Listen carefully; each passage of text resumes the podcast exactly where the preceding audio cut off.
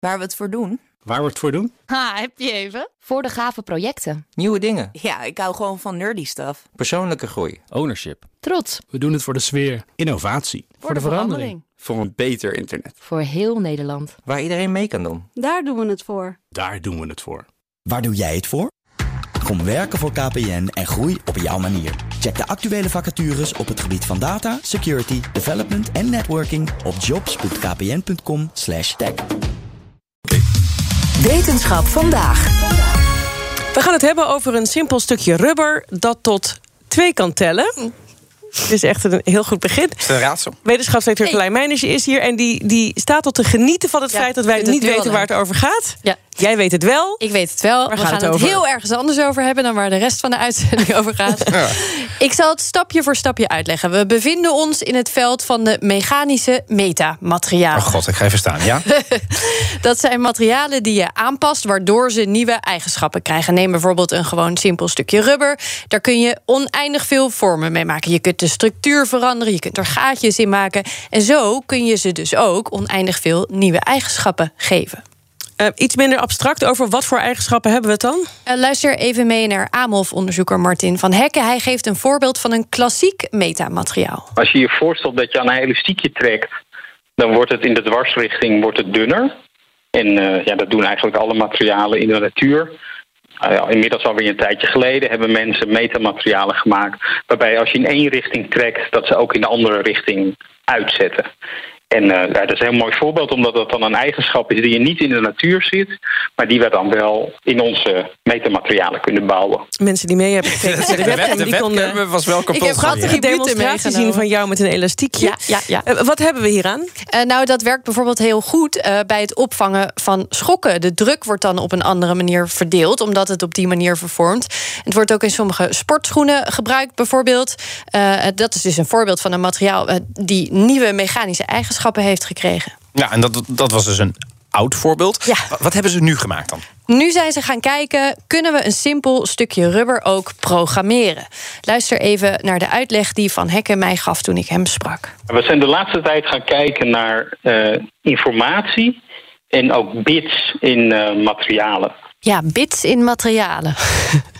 Ja, het klinkt misschien heel raar, maar het, het, is het volgens mij niet. Maar het, eh, nou, oké, we moeten misschien even teruggaan. Wat is een bit? Een bit is een ding wat in twee toestanden kan zijn. En in de computer noem je dat dan eh 0 of 1. Ja, het kan ook eh, een, eh, bijvoorbeeld de aan-uit-knop van je lamp zijn, bijvoorbeeld. Nou, precies. En het kan nog veel meer zijn. En wat het nou in dat soort rubberdingen heel vaak is, is eh, als je je voorstelt dat je een lange, dunne stok hebt en je duwt erop, dan gaat die buigen, toch? Dat heet bukkelen. Maar heel vaak is het zo dat die of naar links of naar rechts kan bukkelen. Iets vergelijkbaars zie je als je een, eh, een eh, vel papier of een chipzak eh, gaat opkreukelen. dan zie je eigenlijk ook allerlei punten dat dat materiaal zeg maar plop, plop, plop doet. En elke keer zo'n plop kan je eigenlijk zien als een bit wat van eh 0 naar 1 gaat. Dus op die manier zitten er eigenlijk in heel veel materialen zitten de bits al ingebakken. Kunnen jullie er iets bij voorstellen inmiddels? Ik Ja, deed ja. net met het regeerakkoord. Ja. Even bukkelen. Ja, heel goed. Van de ene toestand naar de andere. Maar bukkelt de- die naar links of naar rechts? Allebei de kanten op. Oeh, ja, dat wisselde twee keer. Dat is heel mooi. Het gaat dus van de ene bit dan naar de andere bit. En nu eh, even naar wat ze nieuw hebben gemaakt. Je kan een beetje sturen waar de bits zitten door de vorm eh, van je materiaal te kiezen. En wij maken nu eh, rubber in de vorm van golfplaten.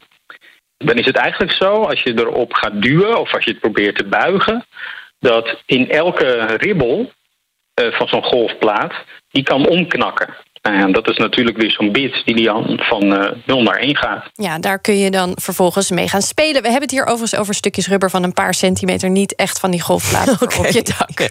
Maar wat kun je dan precies gaan programmeren? Nou, eh, stel je eh, even die golfplaat voor. Als je op één van die ribbels hebt geduwd... dan merkt de ribbel daarnaast dat ook. De ene bit heeft een effect op de ander. Als ze voldoende met elkaar communiceren, ja, dan wordt het interessant. Want dan stel je voor, oh, bit 3 die kan alleen omgaan als bit 1 al om is gegaan en bit 2 juist niet is omgegaan.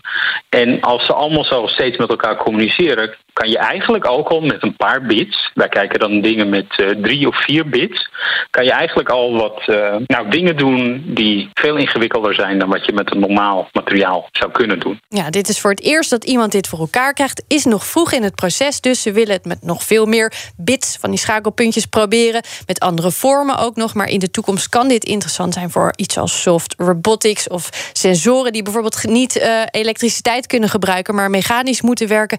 Nog veel meer wat we nu allemaal nog niet kunnen bedenken. En nou kan het rubber toch ook tellen? Want ja, dat vergeet ik dat bijna. was aan het begin. Ja, het kan ook tellen.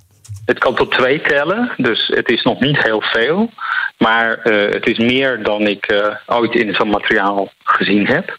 En dat betekent als je er één keer op duwt dat het een andere uh, configuratie van de bits heeft. Dus de bits hebben andere waardes dan als ik er twee keer op duw. Ik moest zelf meteen denken aan mijn nieuwe lamp. Als ik daarbij één keer op de schakelaar druk, is hij fel. Klik ik nog een keer, is hij minder fel. Klik ik nog een keer, is hij nog minder fel. Dus die lamp moet eigenlijk tellen hoe vaak die lichtknop is ingedrukt. En dat is net als met dit rubber. Alleen gebeurt het daarin helemaal zonder elektronica. Simpel stukje rubber kan nu dus gewoon een simpele vorm van informatieverwerking aan. En dan zijn de mogelijkheden eindeloos. En ook nog energie-neutraal. Ja, ja, ik vond het echt een hele leuke. Carlijn, ook Thomas van Zeil vind je in de BNR-app. Je kunt live naar mij luisteren in Zaken doen. De BNR-app met breaking news, het laatste zakelijke nieuws... en je vindt er alle BNR-podcasts, bijvoorbeeld Het Nieuwe Geld. Download nu de gratis BNR-app en blijf scherp.